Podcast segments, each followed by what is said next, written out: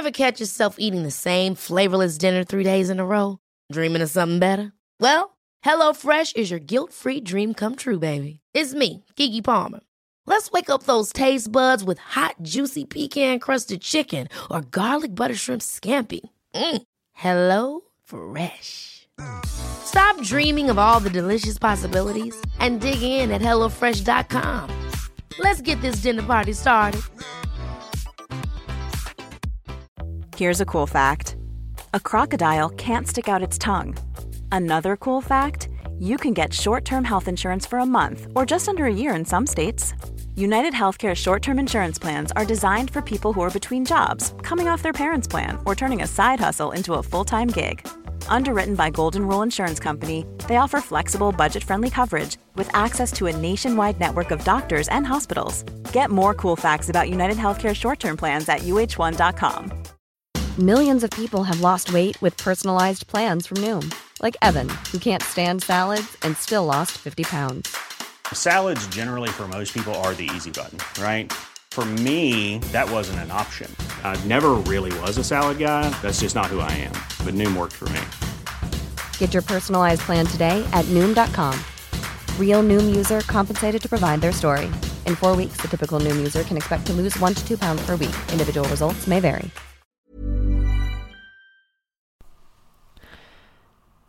Hei og velkommen til en ny episode av Becoming.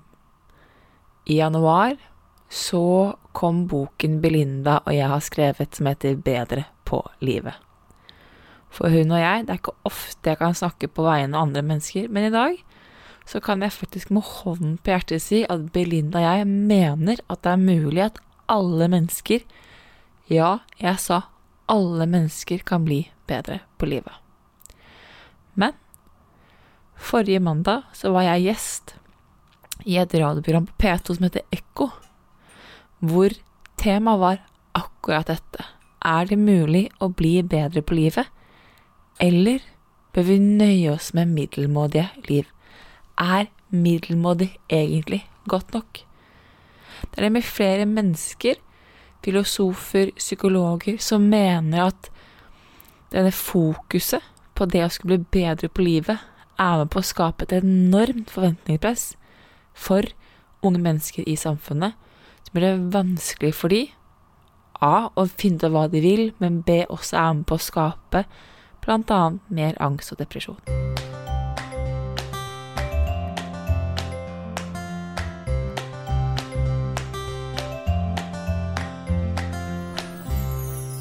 La meg ta deg med tilbake til mai 2019.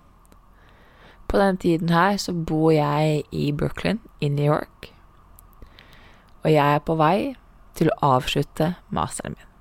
Jeg har tatt en master i media på The New School, og selv om jeg gleder meg til å være ferdig med skolerushet, lekser, oppgaver, gruppearbeid, altså you name it, så er jeg livredd. Livredd, for nå kommer det spørsmålet jeg ikke har villet ta tak i de siste ja, tre årene, egentlig. Jeg ville ikke ta tak i det da jeg gikk fra bachelor i San Diego. Jeg ville egentlig ikke tatt tak i det egentlig noensinne, hvis jeg skal være helt ærlig. Men nå kommer jeg ikke utenom.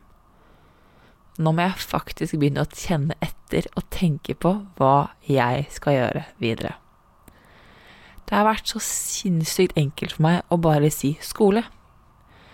Utdannelse, det er veien til rom. Det er det alle forventer, det er det alle tenker at dette, dette vil gjøre deg lykkelig. Dette vil gjøre at du blir bedre på livet. Da er det good to go. Da har du alle verktøy du trenger for å kunne mestre livet. Så dere kan jo se for dere min enorme skuffelse der jeg sitter i leiligheten i Williamsburg i Brooklyn og kjenner bare at angsten og frykten tar meg mer og mer og mer. Det eneste jeg vet jeg vil, er å bo i New York. Det er det eneste jeg klarer å finne ut av det, og at jeg har lyst til å bruke hva jeg vil av klær. Den kleskodegreia, det er ikke noe for meg.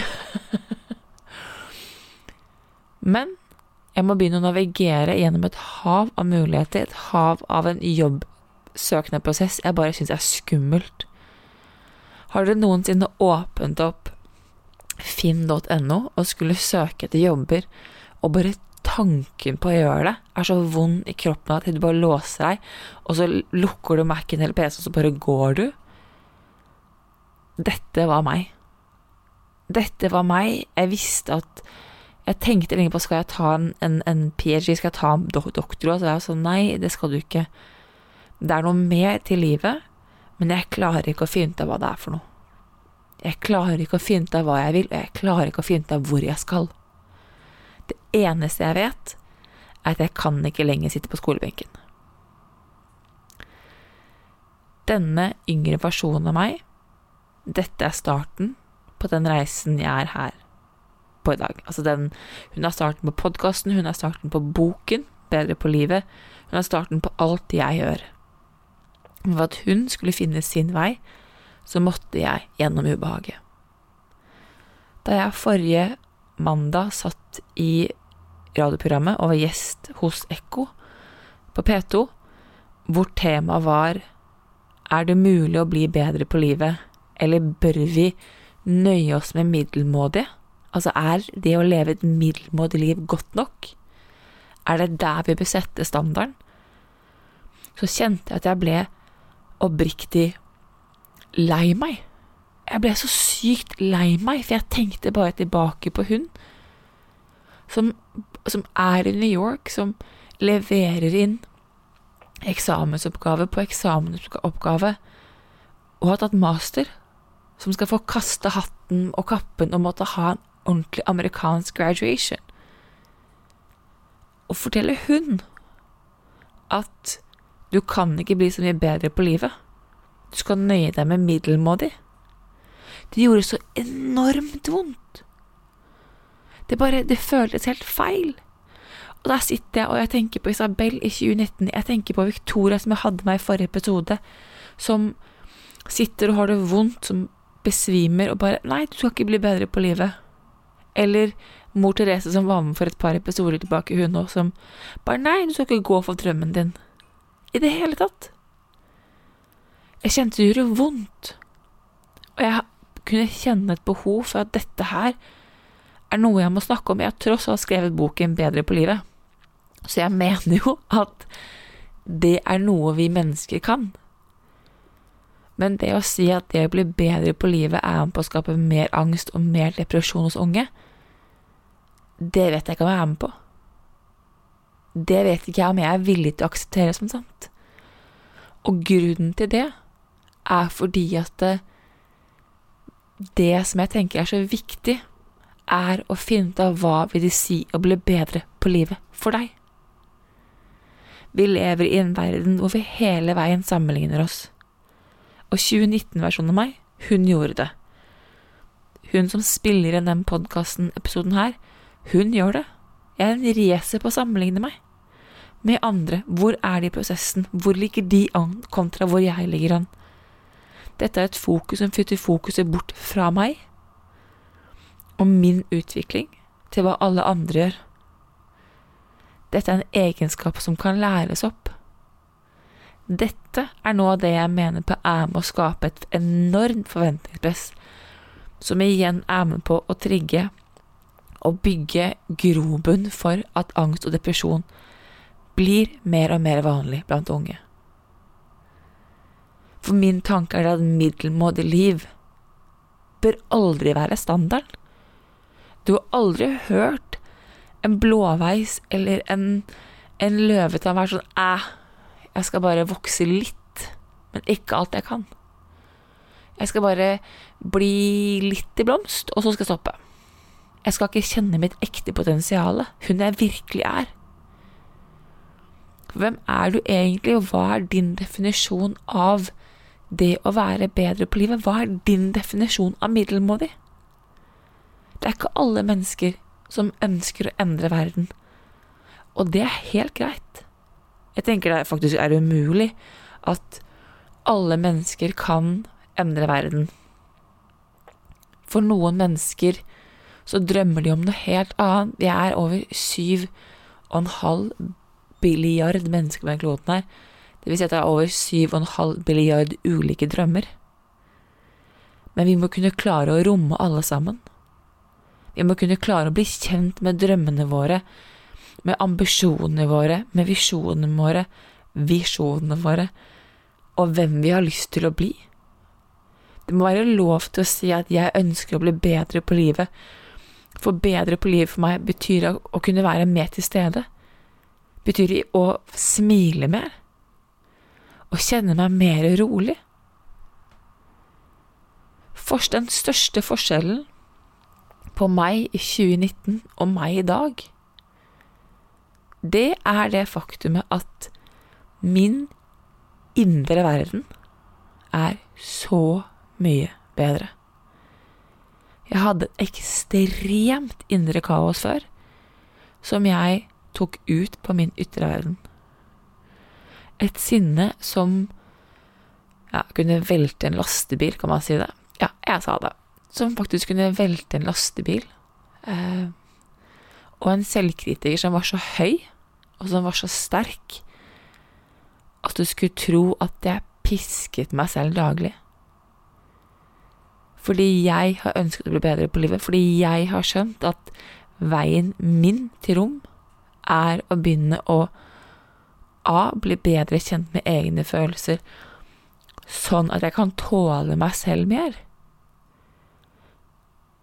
Det er det jeg, har gjort for å bli bedre på livet. Det er det jeg har fokusert på. Og det tenker jeg at i seg selv er definisjonen på det å bli bedre på livet, ikke resultatet. Ikke nødvendigvis Altså, boksuksessen har jo vært enormt morsomt, men det er et resultat av at jeg har det bedre inni meg. For jo bedre jeg har det inni meg, jo mer kreativ klarer jeg å være. Jo mer klarer jeg å pushe meg selv, jo mer klarer jeg å utvikle meg. Men det startet et sted, for jeg ønsket å ha det bedre. For meg å få beskjed om at middelmådig er godt nok, handler om at da sier vi bare at ok, folkens, ikke ha forventninger. Fordi i mine øyne, og dere må, gjerne være uenige med meg her, eller arrestere meg, kan dere velge selv, er at problemet er jo ikke utvikling og det å bli bedre på livet. Problemet her er jo at vi mennesker ikke klarer å håndtere eller møte våre egne forventninger. Det er ingen som har lært oss hva det vil si å kjenne på forventninger, eller hvordan man skal håndtere det emosjonelle press som skapes i kroppen, eller hvordan vi skal bli emosjonelt modne.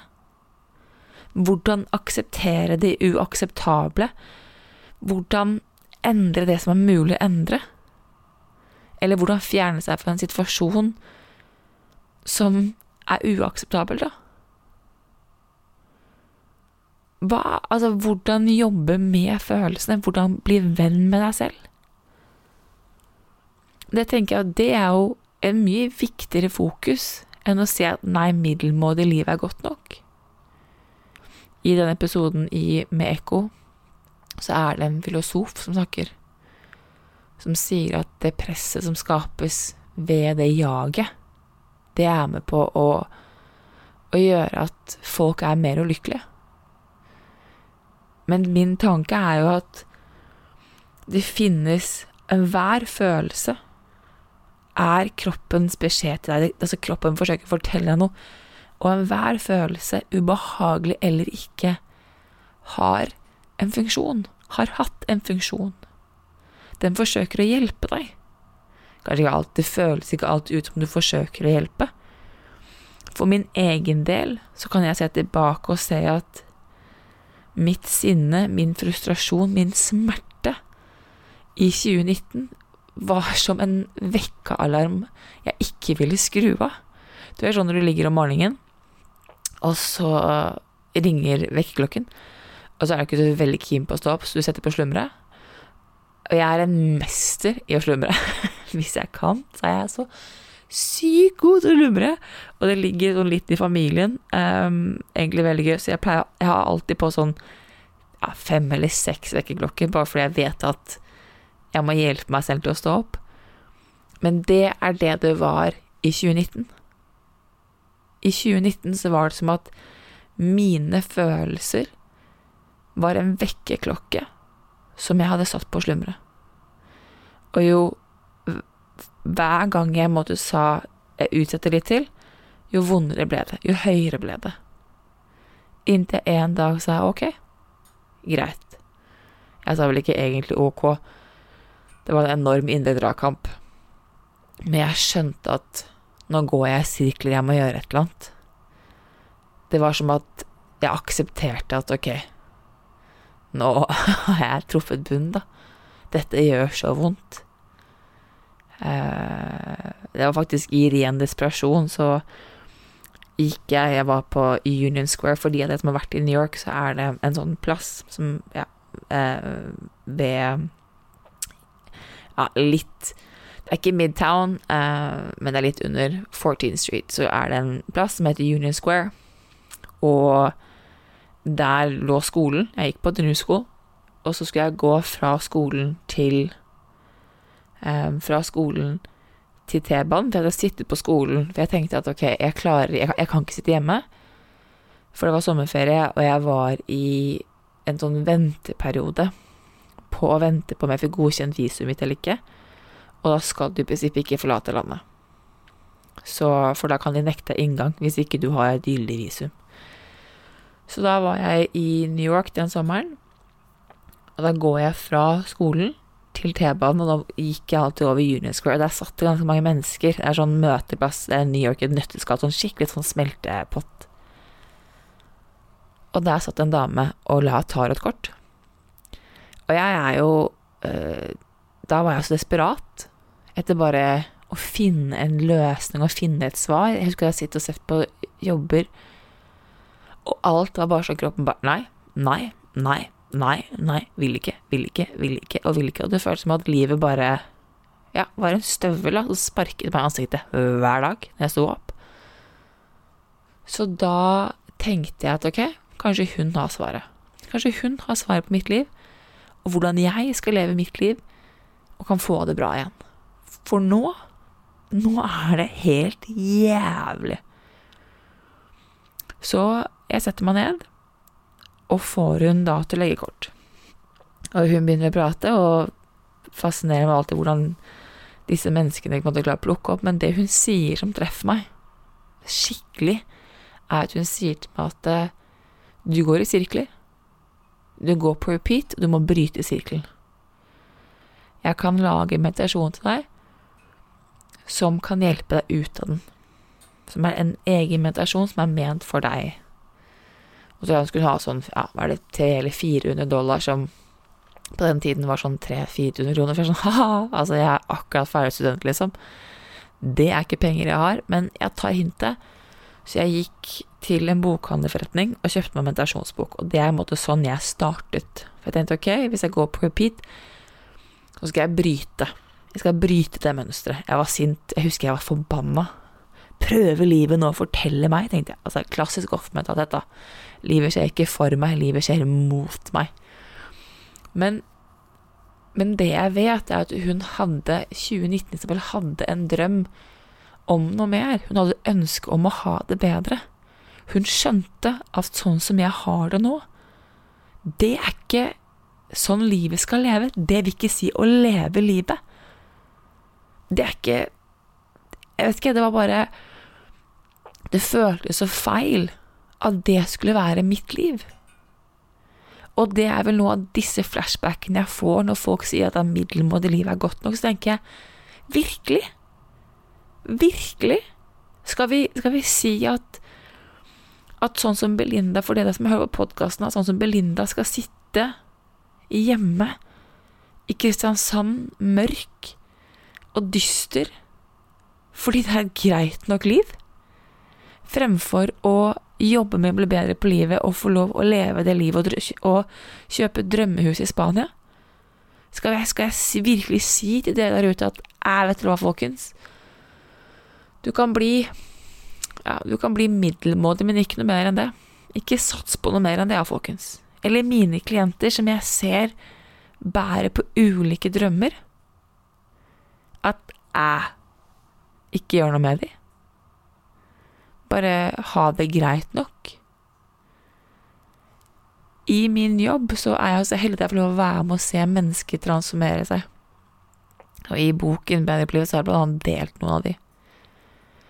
Men disse transformasjonene er jo mennesker som har hatt det kjipt, og som har lyst til å ha det bedre, og som sier at det må finnes en vei til å ha det bedre, og som gjør jobben. Og den største jobben de gjør, den viktigste jobben de gjør, er ikke Instagram-postene om hva de får til. Det er den emosjonelle forståelsen av hvem de er. Jeg vet ikke hvor mange ganger jeg har sittet der med mine klienter, og jeg har provosert dem nok at det blir litt irritert på meg, for jeg pusher alltid på ulike knapper. Eh, men hvor de er med meg i ubehaget og måtte går igjennom, og kommer ut med bare en stolthet og en tilstedeværelse, og med en større respekt for seg selv. Det å si til disse at nei, det du drømmer om, det skal du ikke bli. Eller det å si at det, Altså, det poenget jeg er enig med, enig med disse eh, filosofene og psykologene om, er det at det, det fins et ansvar i, på et individuelt plan, altså hos hver enkelt av oss, om det å skulle ta ansvar for våre følelser, og gjøre sånn at vi kan lære de unge etter, som kommer etter oss, om hvordan de selv kan møte sine følelser. Hva de kan gjøre når de kjenner på at angsten kommer, eller depresjonen kommer, eller disse følelsene av frykt. Hvordan de kan lære seg å tåle seg selv. Men det å fjerne det å fjerne forventninger helt, det å fjerne utfordringer, det å fjerne den kampen, det er ikke helt uaktuelt. Vi kan ikke pakke oss inn i boblepass, folkens. Det er ikke mulig. Livet var ikke ment til å pakkes inn i bobleplast, livet var ment igjen til å leves. Og jeg, jeg kommer til å gå tilbake til naturen fordi naturen for meg er bare så sinnssykt symbol på at det å kjempe, det å utvikle seg, det å jobbe med å ha det bedre, det med å ha et mål, det med å kjenne på at du vil noe mer, jeg tror det er så viktig. For det er jo det naturen gjør hele veien. Naturen vil alltid vokse. Hvis du ser en løvetann, nå nærmer vi oss snart vår, så nå begynner løvetannen å poppe, så vil ser se at løvetannen vil vokse opp gjennom asfalt. Løvetannen backer ikke mot asfalten, løvetannen finner en ny vei. Så hva om vi bare lærer hverandre å skape en aksept for at din vei er din vei, og det trenger ikke å bety at det er min? Og det var da jeg sluttet å prøve å gjøre det på alle andres måte og begynte å gå inn i meg selv, at jeg begynte å skjønne hvordan jeg skulle leve mitt liv. Hvor jeg måtte bli kjent med hva er det som er viktig for meg, hva er det jeg drømmer om? Det, altså, hvem vil jeg bli? Hvordan kan jeg bli bedre på livet, og hva vil det si for meg å leve middelmådig? Dette er en samtale jeg mener er viktig å ta. Dette er temaer jeg har lyst til å snakke om. Dette er noe jeg mener at alle mennesker vil kjenne etterpå. For det sekundet du vet hva som er middelmådig for deg, og hva som er bra, det er jo da du vil begynne å kjenne på at å ja, men livet igjen var ment til å leves. Noen mennesker elsker banan. Jeg er en person som elsker banan. Noen mennesker elsker tomat. Det ene er ikke bedre enn det andre. Det er bare to ulike ting. Du spiser to ulike ting. Og det må være lov. Det høres kanskje banalt ut, men det er noe av det jeg tenker er så viktig at vi begynner å snakke om her. Din vei er din vei. Det fins tusen veier til rom. Og for de av dere som, som går den reisen her, og på en måte holder på og har holdt vet at den veien fra A til B, den er ikke rett frem. Det er så mye kuseduller og frem og tilbake og hopp og hit og dit og dit og spett og tjo og hei og fire kvister deler seg, så kommer det til liten her, jeg. Dere vet at dette her er en, en reise inn i det ukjente, inn i det som er skummelt, inn i det å møte seg selv og sin egen frykt for å kunne klare å bli det mennesket man har lyst til å bli, bli det mennesket du vet du kan være. Det å lære å tåle deg selv litt mer. Dette er jo noe av det jeg tror er den viktigste jobben vi gjør, fordi at Spesielt for min egen del, fordi at For når jeg tåler meg selv, så blir jeg faktisk bedre på livet. Når jeg kan klare å møte mitt sinne, mitt ubehag, min frustrasjon i meg, og håndtere det, og så gå ut i verden og være ok med at i dag er en litt kjip dag. Og det er helt greit, det betyr ikke at jeg har et kjipt liv, det betyr bare at dette er motstand. Og innimellom så er motstand viktig for at jeg kan kjenne på utvikling, for at jeg kan lære noe. Hva om, hva om vi bare ble bedre på, ikke livet, men bedre på å være det ukjente? Bedre på å gi slipp på kontroll? Bedre på det å være oss selv? Men igjen, vi er flokkdyr. Vi kom fra en flokk. Vi kommer vel egentlig fra naturen, men that's not the point. Poenget her er at vi er stammedyr. Flokkdyr. Ja. Vi har vært avhengig av flokken vår for å overleve, og det er en form for flokkmentalitet som lever i oss, som gjør at det er lettere for oss å passe inn. Det er en del av overlevelsesinstinktet vårt. Og det tenker jeg er viktig at vi skal ta vare på. Det er jo funksjonen til janteloven er jo at det skal hjelpe oss til å overleve. Det er en måte å kjenne på at vi er trygge på. Og jeg tenker at flokkmentaliteten i seg selv er ikke feil. Langt derifra. Vi er avhengig av den, det er der vi henter inspirasjon. Men janteloven, den, den lille firkanten som er skapt for at vi skal passe inn, den tenker jeg at den er jo den vi må jobbe med. Det å skape plass og aksept for mer annerledeshet, da. Uten at det kan gå fra det ene ekstreme til det andre. Eller viktigheten av å vite at finn din flokk. Finn de menneskene hvor du der du hører, føler deg hjemme. Igjen, jeg tror det fins så mange mennesker der ute som kjenner på at de er i feil flokk. Som kjenner på at de har feil mennesker rundt seg Uh, Man sier ofte at ja, disse ungdommene havnet i feil miljø. Men hva om folk fortsatt er i feil flokk? Hva om det ikke er en sånn ungdomsgreie? Hva om det er en livet-greie? Hvor du må begynne å tørre å åpne opp for å møte nye mennesker, møte likesinnede mennesker? Hva om det var en mulighet? Hva om folk snakket om at ja, jeg er et voksen menneske, men jeg savner venner. Jeg savner gode mennesker. Jeg kjenner meg ensom. Jeg har hatt flere klienter som har stabile forhold hvor liksom kjærlighetslivet i seg selv har fungert tipp topp tommel opp, men hvor utfordringen deres relasjon er med venner. Hva om det var rom for å snakke om det? Hva om det ble et tema? Hva om åpenhet ikke ble noe som skulle skape et press på at du må bli best? For hva vil det si for deg å bli best? Uansett hva jeg gjør, så vil jeg aldri kunne bli noen andre enn meg selv. Et enormt skummel tanke, for å være helt ærlig, som jeg innimellom sliter litt med, men jeg kan bare bli meg. Det betyr at jeg kan som sagt ikke gjøre ting på alle andres måte, jeg må gjøre ting på min måte, og for at det skal skje, så må jeg ha kontakt med meg selv. For at jeg skal ha kontakt med meg selv, så må jeg roe ned. Jeg må skape et rom i hverdagen hvor jeg kan høre meg selv, hvor jeg kan ha en dialog med meg selv. Hvor jeg kan kjenne på mine følelser, hvordan jeg har det. Og det mener jeg er nøkkelen til det å bli bedre på livet. Det er det jeg på en måte Det er der jeg mener stemmen til både Victoria, som jeg hadde med i forrige episode, eh, henne ble jo endringen Pilates.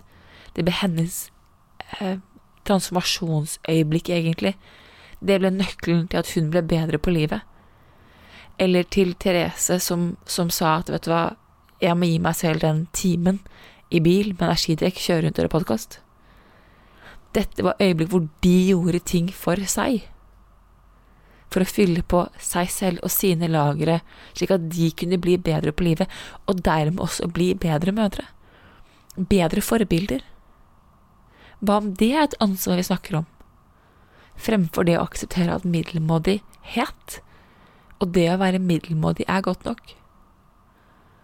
Jeg står, og har egentlig, etter den episoden her, kjenner aldri vært mer stolt av å si at jeg har skrevet en bok som heter Bedre på livet sammen med Belinda Jacobsen. Altså, damn! Fordi er det én ting jeg vet, er det én ting jeg er skikkelig stolt av, så er det det faktum at den frøkna som sto på Union Square, eh, eller på T-banestasjonen, med en meditasjonsbok i hånden, og som tenkte at ok, nå skjer det.